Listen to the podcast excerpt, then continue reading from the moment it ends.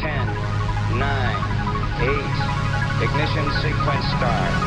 5, 4, 3, 2, 1, 0. Quantum leap. Salto quântico. Salto quântico. Salto quântico. Salto quântico. Salto quantico. Salto quantico. Salto quantico. Kvantum, det du inte visste att du ville veta. Hej och hallå, Markus Rosenlund här och programmet heter som sagt Kvanthopp. Hörni, vi vet ju vad en amerikansk rymdfarare heter. Astronaut. En rysk rymdfarare heter kosmonaut. Och en kinesisk rymdfarare heter taikonaut. Men vad heter en indisk rymdfarare? Indien står alltså i beråd att bli den fjärde nationen som skickar upp en eller fler av sina medborgare i rymden. Mer om det i notiserna förresten. En indisk rymdfarare heter alltså Vyomanaut. Vyoma, det betyder alltså rymd eller himmel på sanskrit. Därav alltså Vyomanaut. Hur som helst, spänn fast säkerhetsbältet för nu flyger vi. I dagens kvanthopp ska vi bland annat besöka Australien och höra om torkan som de lider av där. Den värsta torkan på 200 år. Så ska vi titta tillbaka på sommartiden som EU nu ser ut att frångå. Varför började vi ursprungligen vrida klockan fram och tillbaka? Vem var det som kom på idén och vilka är fördelarna och nackdelarna? Och så ska Albert Ernroth ta oss med till ett museum i Halle i Tyskland.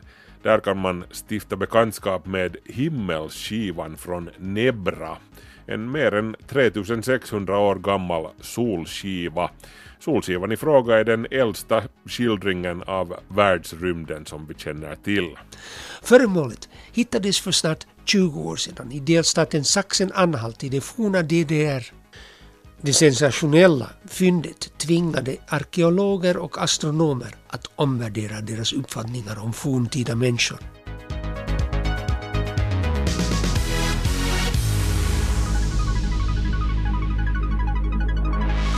Bland annat sådant bjuds det på i Kvanthopp idag. Men vi inleder med notiserna. Kvanthopp, snabela yle.fi.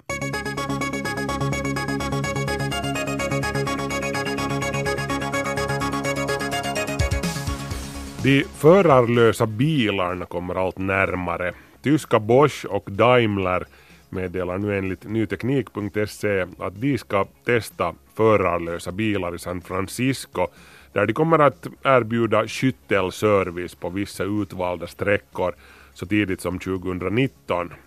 En flotta av robottaxin med andra ord som kör kunder från en bestämd destination till en annan.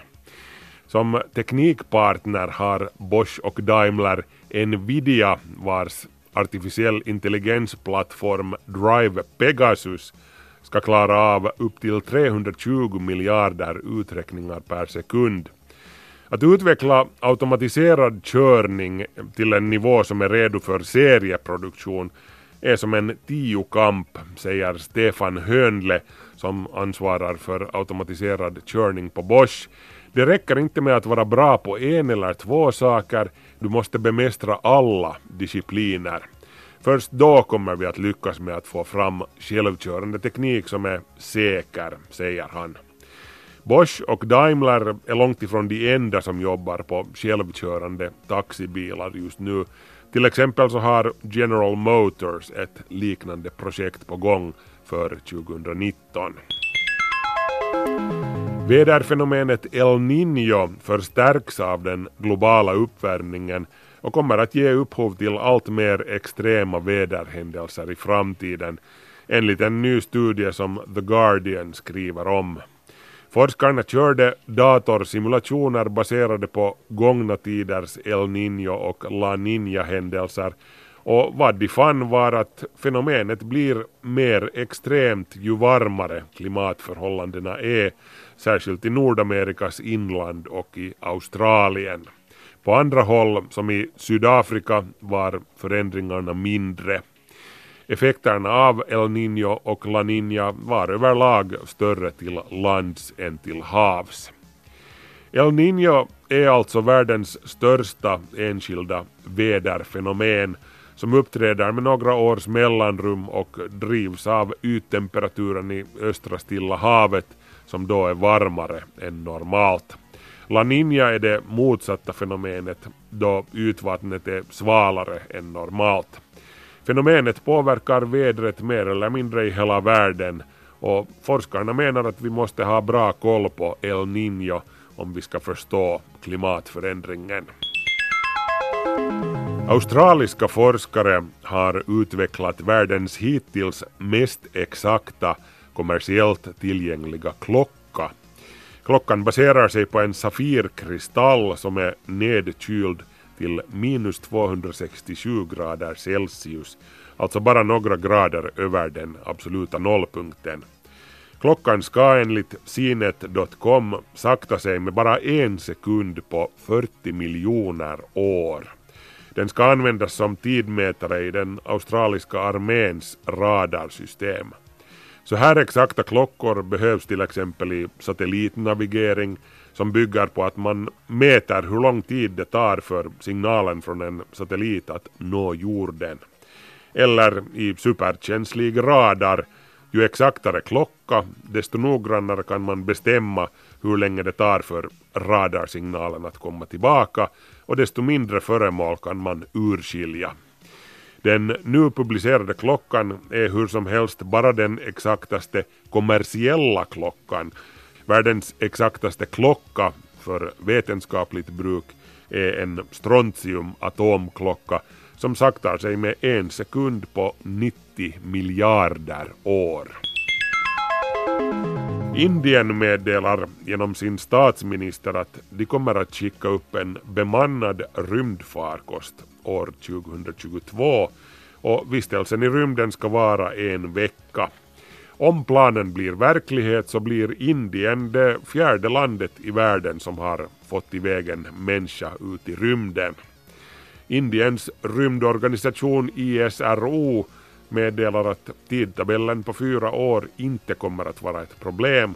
Tvärtom så säger ISROs talesman att man kommer att ha farkosten redo till och med tidigare än så.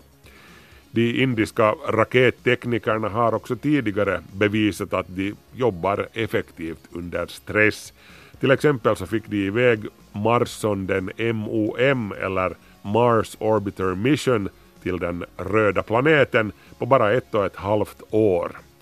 Den kommande bemannade flygningen ska genomföras med en GSLV Mark 3 bärraket, en relativt ny konstruktion som bara har flugit obemannad hittills och bara en gång, men flera flygningar är planerade för de kommande åren.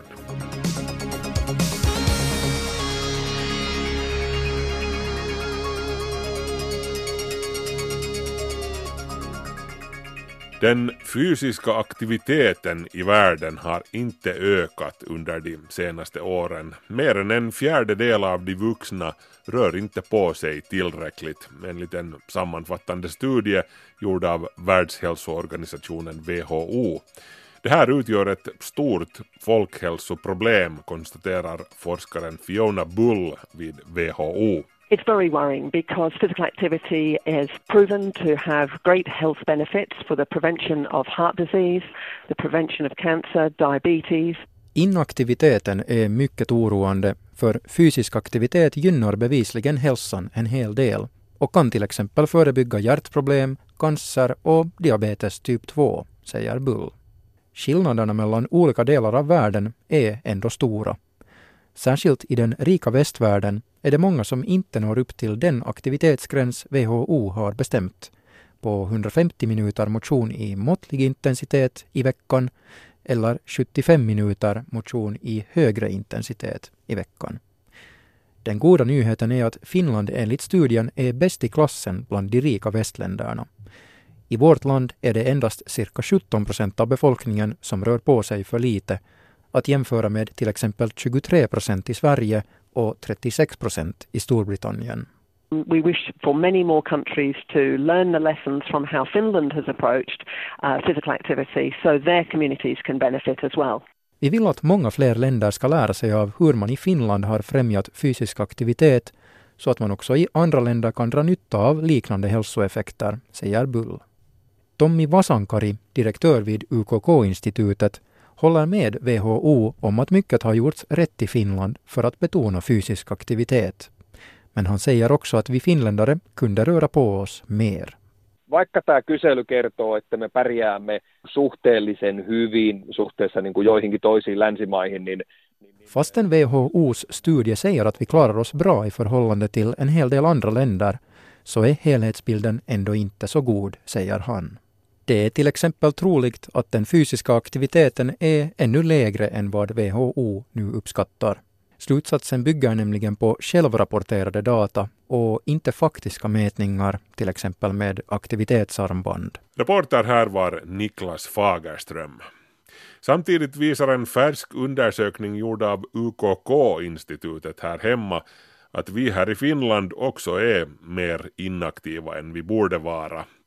Enligt den globala studien som vi hörde om alldeles nyss så är vi alltså aktivast i den rika västvärlden men ändå sitter eller ligger vuxna finländare i medeltal nästan nio timmar under den tid som de är vakna. Många är så lite aktiva att de riskerar sin egen hälsa. I Finland rör män i medeltal på sig mer än kvinnor och yngre mer än äldre. Endast en femtedel av finländarna rör på sig så mycket som det rekommenderas. Nu ska vi byta samtalsämne här i Kvanthopp och konstatera att efter den ovanligt torra och heta sommaren är vattenståndet i de finländska sjöarna lågt, ställvis till och med exceptionellt lågt just nu. Det här meddelas från Finlands miljöcentral. Speciellt lågt är sjöarnas vattenstånd i landets västra och centrala delar. Motsvarande situation rådde senast för 15 år sedan. På miljöcentralen menar hydrolog Mia Kumpumäki att situationen knappast korrigeras nu i september. Vi får sannolikt vänta till oktober då regnen brukar öka och avdunstningen minskar vilket borde höja på sjöarnas vattenstånd. Men vi här i Finland har ju trots allt sluppit relativt lindrigt undan den här sommaren, även om lantbruket onekligen har lidit också här. Men vi har i alla fall sluppit de allra värsta skogsbränderna, de som har pinat Sverige.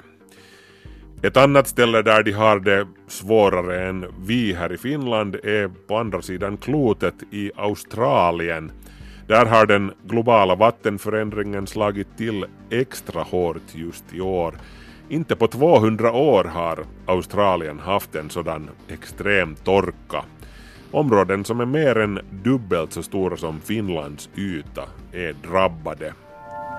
Due to drought, we have absolutely no feed at all. We have zero feed and, and have done for quite a while. The family is on the farm household allowance. We applied in April because we weren't able to feed our children.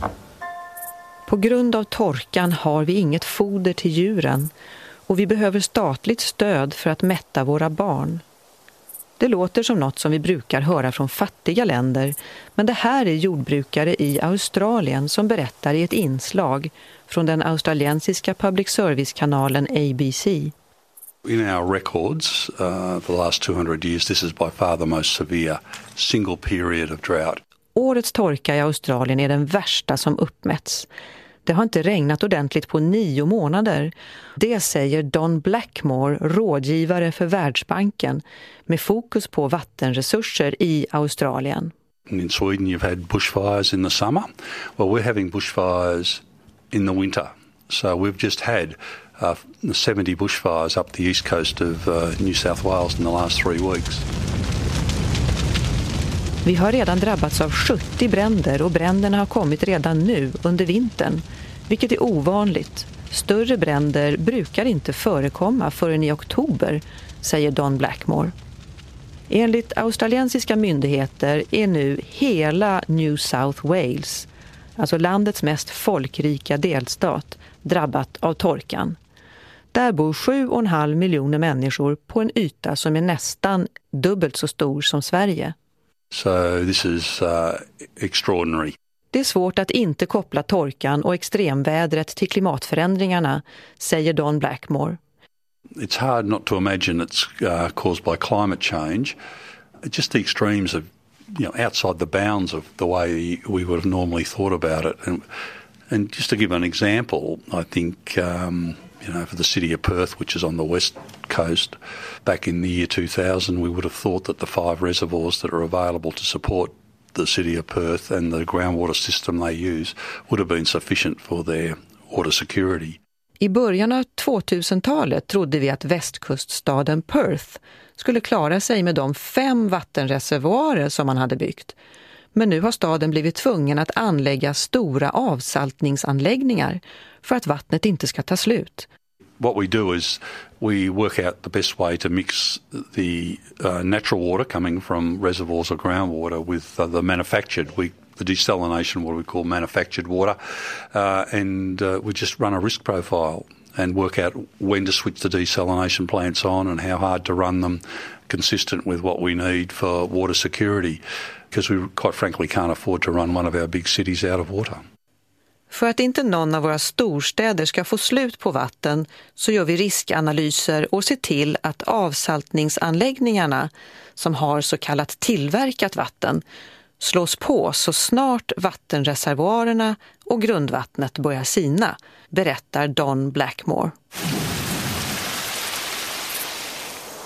I Australien har också jordbrukare och städer tilldelats begränsade vattenrätter som de kan sälja vidare om de inte används. Our farmers are very conscious about water efficiency because it's often much more profitable for them to sell the water than to grow a crop.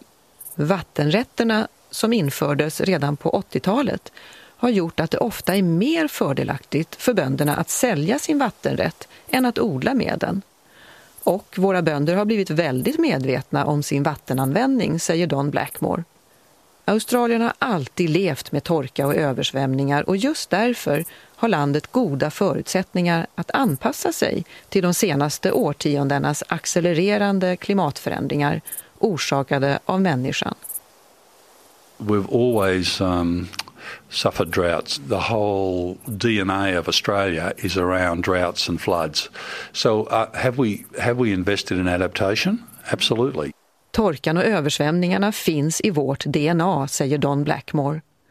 Han är förvånad över att Sverige inte har någon reglering av grundvattnet, något som är en självklarhet i Australien. Och han säger att Sverige kan bli bättre på att ta tillvara på det vatten vi har. From my perspective is that uh, you'll get a mindset around uh, that you're going to have to manage better with what you've got.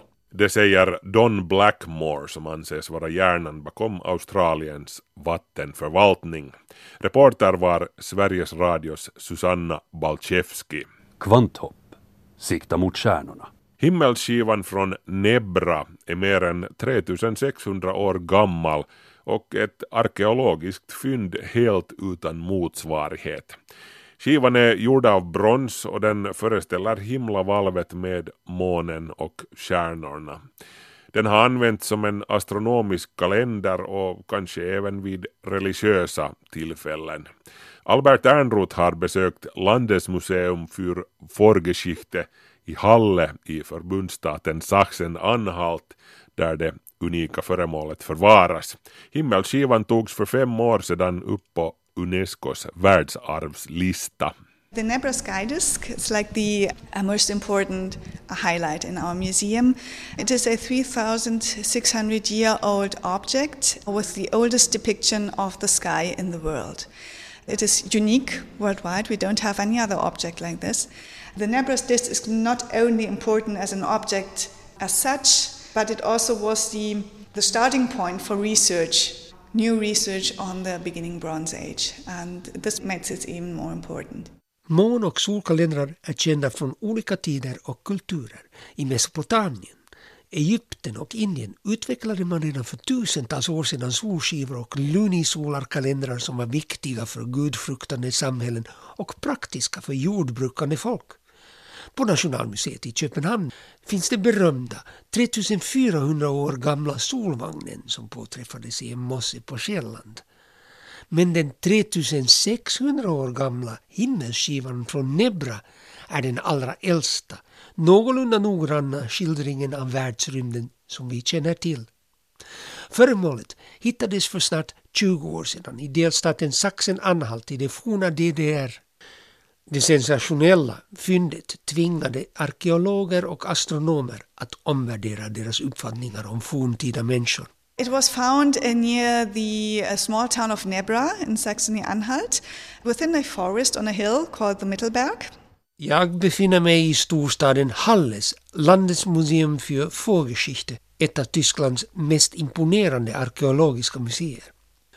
Här har man byggt ett specialutrymme som är mörklagt så att de belysta föremålen i montrarna får stå i ett dramatiskt rampljus. It is an extraordinary find, and I don't think that they were reckoning that they would find something like that. But you see, this region is full of archaeology. On the other Halle, hand, som är mest känd för att vara tonsättaren Georg Friedrich Händels födelsestad, ligger ungefär 50 kilometer norr om Nebra. Jag talar med Dr. Tomoko Emmerling som är landets museets men hon är också utbildad arkeolog. the history of its finding is very fascinating and complex, like a criminal story, because the object, together with other bronze objects, to swords, to axes, to arm spirals, and a chisel. These objects were found in 1999, but not by professional archaeologists, but by looters, people who were illegally digging for treasures. They were out in the Tomoko Emmerling tycker att kriminalhistorien om föremålens upptäckt också förtjänar att berättas och visst, det är en spännande historia. En sommardag 1999 beslöt två metalldetektorister att leta efter mynt och krigsföremål på en skogsklätt kulle som kallas för Mittelberg söder om Nebra. Bredvid en stig gav en av metalldetektorerna utslag och pep. En av killarna satte sig på huk och började gräva, men tråkigt nog använde han en spetshacka. What we see up here, this is like a scar. This is uh, was made by the looters. The disc was standing upright in the earth, and the looters had, yeah, like an axe, and they dug into the earth with this axe and then hit the disc. Himmelskivan befann sig på bara några centimeters djup och hade begravts stående rakt upp i jorden. Därför blev det ett ordentligt hack på bronsskivans kant. De båda männen grävde dessutom fram två bronsvärd, två bronsyxor, ett spiralarmband och en bronsmejsel. The interesting thing is here in Saxony-Anhalt, everything that is found beneath the surface and whose rightful owner is not known belongs to the state. And this means that it belongs to the State Museum of Prehistory. I förbundsstaten Sachsen-Anhalt säger en lagtext att alla fynd som görs under markytan och vars ägare inte kan spåras i princip tillhör staten. Föremålen som hittades utanför Nebra tillhörde alltså från första början staten och i detta fall närmare bestämt Riksantikvarieverket. Metalldetektoristerna gick väldigt oförsiktigt tillväga och förutom ett djupt hack skrapade de bronsytorna när de rengjorde föremålen med stålull. The disc as such cannot be easily dated because we know that this whole hoard must have been deposited around 1600 BC. The sky disk was altered or changed several times so that Yeah. it would have been used for quite a time. Att exakt ålderbestämma bronsskivan var omöjligt. Men genom att analysera svärdfästen gjorda av björkträ kunde man fastställa att skatten grävdes ner för ungefär 3600 år sedan. Men himmelskivan kan ha använts i flera hundra år innan dess. The remains of these wooden handles could be analyzed, which was really important for dating the find. In general, Plundrarna lyckades snabbt vidare försälja föremålen för en relativt liten summa. Men helaren förstod att fynden var ovanliga och tog kontakt med konsthandlare och museer. Men han var girig och lite korkad. Och så snart han avslöjade att föremålen upphittades i Sachsen-Anhalt hackade alla av på grund av delstatens lagtext. När tjuvgodsförsäljaren äntligen lyckades bli av med grejerna hade bilder på föremålen spridits bland experter i München och Berlin som kopplade in kulturdepartementet. När de nya ägarna um tog kontakt med Landesmuseum i Halle beslöt åklagarmyndigheterna att gripa in. Museets chef Harald Meller låtsades vara intresserad av att köpa föremålen och man stämde träff med de nya ägarna på ett hotell i Basel i Schweiz. They tried to sell it to the State Museum of Prehistory. And in order to get these things, our director pretended to be willing to buy them, although he was the rightful owner, so to say. Museidirektören ville naturligtvis inspektera föremålen för att kolla deras äkthet. Och då visade det sig att en av hälarna hade virat himmelsskivan i en handduk runt magen under skjortan. När han tog fram den kunde den schweiziska polisen som höll ett öga på mötet direkt anhålla de misstänkta. Därefter var det inte så svårt att följa spåret tillbaka till den ursprungliga helaren och slutligen till fornplundrarna som ledde polisen till fyndplatsen i närheten av Nebra. This was very important for us because uh, afterwards the archaeologists could make a really an excavation with proper archaeological methods and scientific methods. Arkeologerna i Sachsen-Anhalt behövde astronomers kunskaper om natthimlen för att tyda Nebra-skivan. What I must say is that the interpretation of the sky disk would not have been possible without astronomers. Um, Himlafatet är lite större än en grammofonskiva, 32 centimeter i diameter. Skivan är tunn men väger 2,2 kilo för att den är gjord av brons med gulddekorationer. För att brons oxiderar är skivan idag ärggrön. What we see at first sight is an object that looks like a sun or a full moon, a crescent, all in gold. The moon, the crescent, another golden bow at the side is also made of gold, and another bow in the lower part of the disc. And there are golden dots, 32 in number. Himmelskivan visar möjligtvis en sol, men mer sannolikt är er det att klotet föreställer en fullmåne. Dessutom syns en tre dagar gammal nymåne och 32 guldprickar som föreställer stjärnor. Sju av dessa symboliserar nästan säkert stjärnhopen Plejaderna som under antiken kallades för kalenderstjärnor. Dessa syns på hösten och vintern med blotta ögat på norra stjärnhimlen men är inte längre synliga i slutet av mars och traditionellt tolkades försvinnandet som jordbruksårets början. Plejaderna återvänder i mitten av oktober. I norra Europa betyder det början av hösten och dags att ta in skörden. We have here a prehistoric calendar, and the fascinating thing is so we have here an encoded calendar showing the dates of the beginning of spring and the beginning of autumn or harvest time. Positionen av nymånen i förhållande till plejaderna och de 32 stjärnorna avslöjar att den tidens astronomer förstod sig på skottår. Vi vet att babylonierna och många andra bronsålderfolk istället för att vart fjärde år skjuta in en skottdag vart tredje år placerade in en skottmånad. There's a Babylonian text from the 7th or 6th century BC. And in this Babylonian text, a rule is written, and it says if the Pleiades are seen in the spring with a three day old moon, you have to insert a leap month to synchronize yeah. these two years. Utmed skivans yttre kant har man i ett senare skede på båda sidor mitt emot varandra lagt till guldbågar som inte bara har en dekorativ funktion. En av bågarna har försvunnit men man kan se konturerna. Om man drar två linjer från bågarnas ändor möts de ungefär i en 83 graders vinkel. If you connect the ends of these two golden bows, you get an angle of, I think, about 83 degrees. And this is exactly the angle which the sun describes between the solstices. När experterna begav sig till fyndplatsen Mittelberg och noterade var solen gick ned vid sommarsolståndet och även observerade vintersolståndets solnedgång kunde de konkludera att avståndet mellan dessa solnedgångar motsvarar en 83 graders vinkel. Och det kan inte vara en tillfällighet. Vi kan därför fastställa att himmelsskivan har tillverkats eller anpassats med tanke på landskapet kring mittelväg. There are various hints for us uh, that lead to the conclusion that this disc was made locally. This is one, this aspect of coordinating it with the landscape. Man har också bevisat varifrån råmaterialet kommer som användes vid tillverkningen av skivan. Som bekant är brons en legering av koppar och i detta fall huvudsakligen tenn. The copper has been mined in the Alps region, in the region of the nowadays Austria. Um, but the tin and also the gold comes from Cornwall.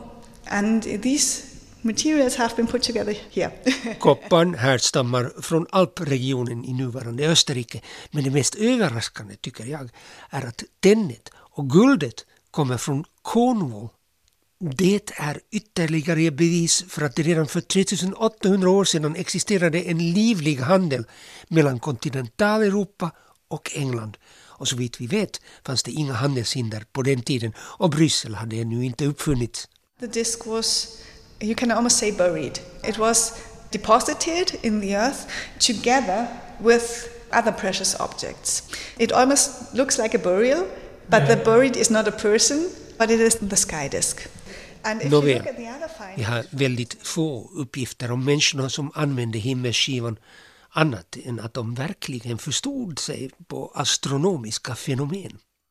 Man har inte upptäckt bosättningar eller gravar i närheten av Nebra, men vi kan fastställa att himmelsskivan användes förmodligen vid ceremoniella tillfällen just på denna plats, på toppen av en kulle som kanske var helig. Begravdes denna magnifika kalender när ritualerna inte längre kändes relevanta? Vem vet? För att citera Shakespeares Hamlet. There are more things in heaven and earth, Horatio, than are dreamt of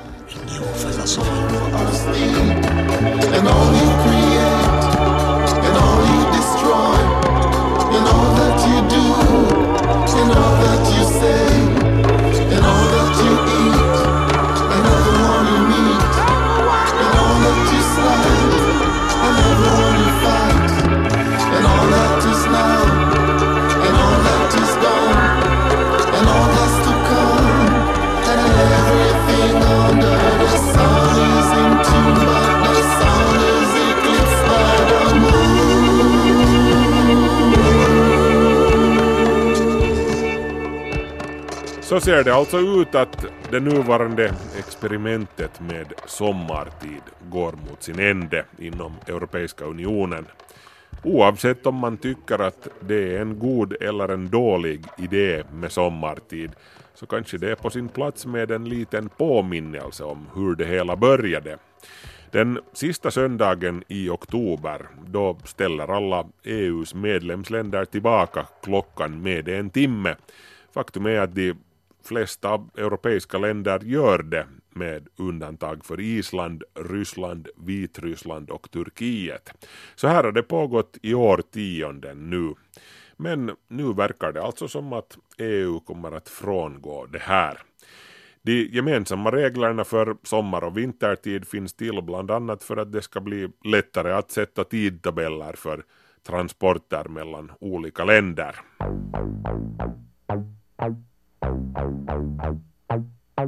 Konceptet med sommartid är ju naturligtvis inte uppfunnet av EU. Det går betydligt längre tillbaka än så. Vissa hävdar att det var den amerikanske uppfinnaren och statsmannen Benjamin Franklin som kom på idén 1748 då han skrev en anonym insändare i en fransk tidning där han mer eller mindre på skämt föreslog att man börjar stiga upp tidigare om somrarna för att spara på ljusen och lampoljan. Den inte helt seriöst skrivna artikeln innehöll också ett förslag om att införa en skatt på fönsterluckor och att man skulle börja väcka upp Parisborna med kanonskott och kyrkklockor i gryningen.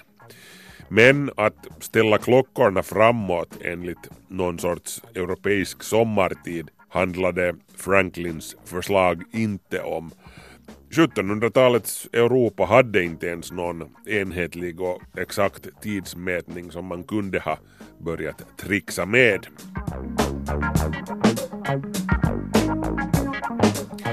Den första som föreslog begreppet sommartid i den mening som vi känner till det var den Englandsfödde nyzeeländaren George Hudson. Hudson var entomolog eller insektsforskare och hans arbetstider var sådana att han hade ont om ljusa timmar efter jobbet för sina insekter. 1895 författade Hudson en artikel för det filosofiska sällskapet i Wellington där han föreslog att man ställer klockorna framåt med två timmar. Det dröjde till 1927 innan Nya Zeeland införde sommartid.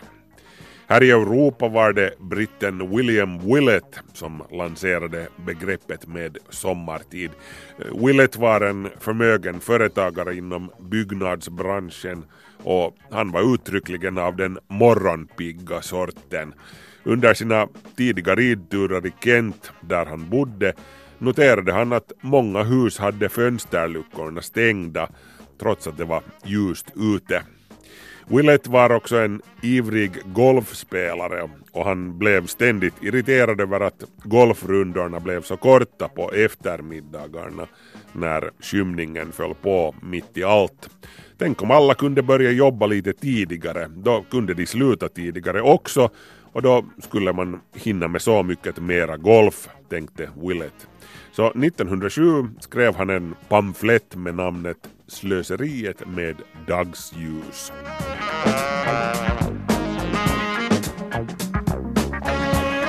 Ni som inte tycker om att vrida klockorna fram och tillbaka ska bara vara glada att Willets förslag till sommartid inte gick igenom som sådant. Willett nöjde sig inte med att helt enkelt vrida klockan framåt med en timme. Enligt hans förslag skulle man vrida klockan framåt med inalles 80 minuter i april, men inte på en gång utan med 20 minuter åt gången med en veckas mellanrum. Och på motsvarande sätt skulle klockan vridas tillbaka i september. Nu har vi ju bara vridit klockan två gånger om året men om William Willett hade fått bestämma så hade vi alltså vridit den åtta gånger. Willett motiverade naturligtvis inte officiellt det hela med att han ville förlänga sina golfrundor om kvällarna utan med att det skulle ge inbesparingar på hela 2,5 miljoner pund i belysningskostnader årligen. Willett trodde stenhårt på sin idé och lobbade ivrigt i parlamentet för sin sak. Den unge Winston Churchill understödde Willets idé och man tillsatte en kommitté för att utreda saken. Men det blev aldrig någonting konkret av det hela. Åtminstone inte förrän första världskriget bröt ut då det plötsligt uppstod brist på kol för eldning. Och då dammades Willets förslag av och sommartiden infördes den 17 maj 1916. Fast då hade Tyskland och deras allierade Österrike-Ungern redan infört sommartiden i april samma år. Av samma orsak för att spara dyrbart kol.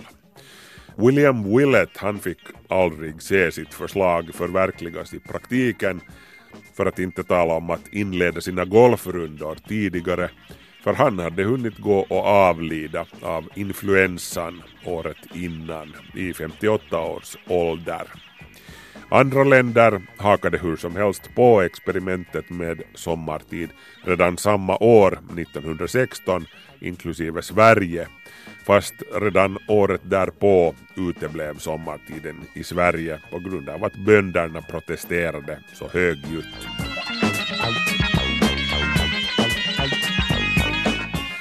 Och det här med att utnyttja dygnets ljusetid till max, det har ju varit tanken bakom sommartiden ända sedan dess.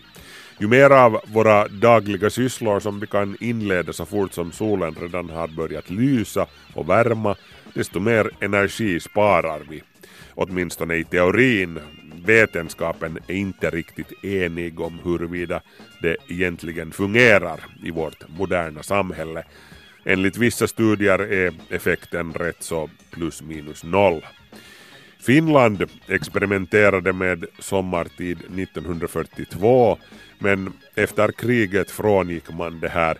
Inte förrän 1981 infördes sommartid som en permanent praxis i Finland som ett av de sista länderna i Europa.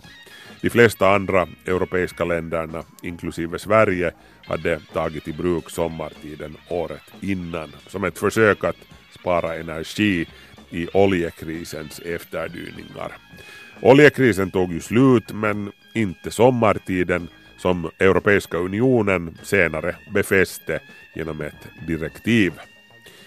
Sommartiden må ha sina fördelar men här på våra breddgrader är nyttan inte så stor, speciellt under sommarmånaderna då det hur som helst är ljust nästan dygnet runt. Finland har hur som helst valt att hänga med i systemet för att vårt affärsliv och våra transporter ska vara i synk med de europeiska länderna. Nyttan av sommartiden är som mest markant om våren och om hösten då folk på riktigt har nytta av den extra timmen av ledig ljustid om kvällarna.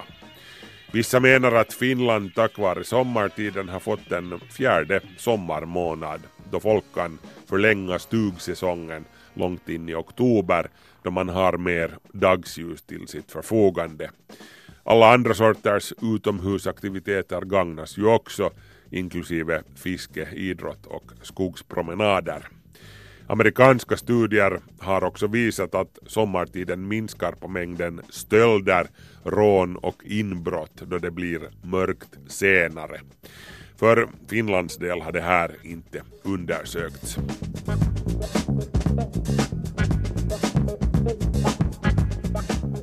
Fast det här med att folk har mer ljustid till sitt förfogande om kvällarna, det har ju lett till att folk kör mer bil, de är överhuvudtaget aktivare och konsumerar mera, något som handelsbranschen i USA har varit väldigt nöjd med.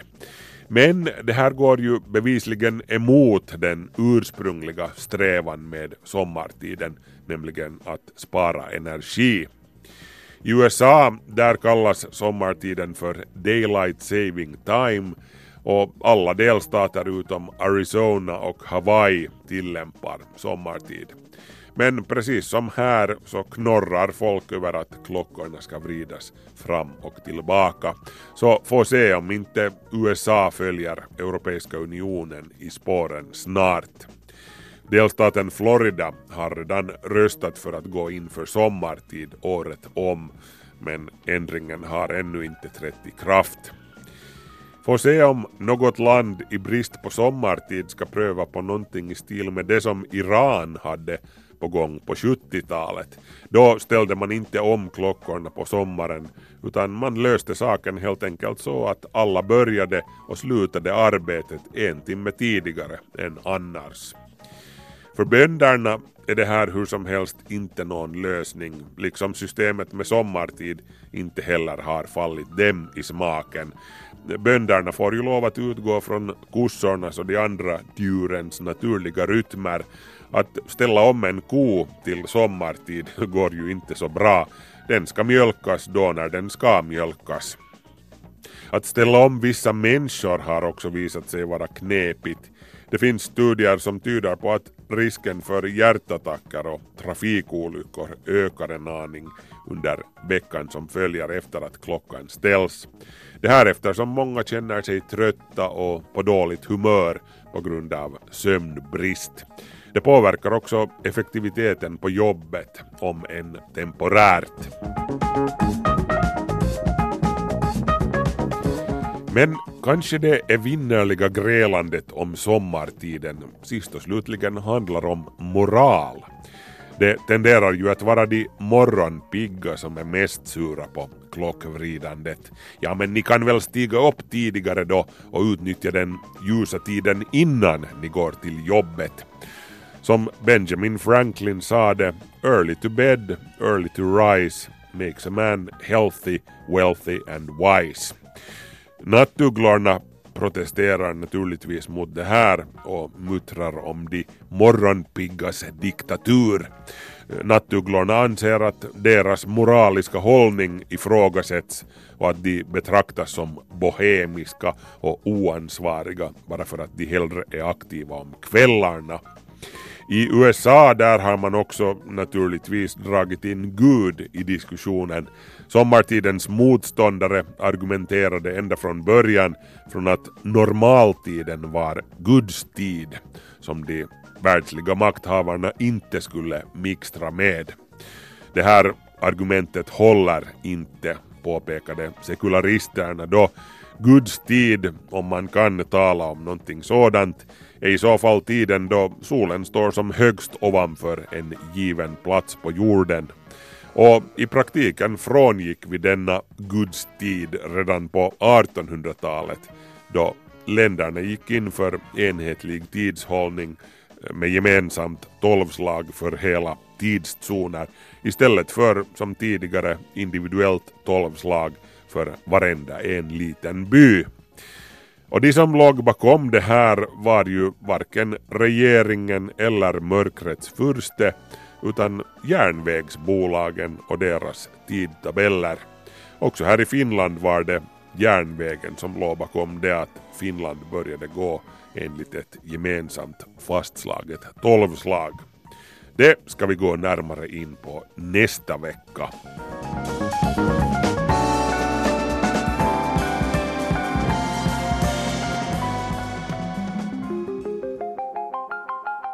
Jaha hörni, då har det blivit dags för mig, det vill säga Markus Rosenlund, att tacka för sällskapet för den här gången. Får ni ledsamt så hittar ni oss på Yle Arenan, där finns också poddversionen av det här programmet och där finns också podcasten Besseret Visser som ni gärna får kolla in. Vi hörs om en vecka här i Kvanthopp. Hej så länge!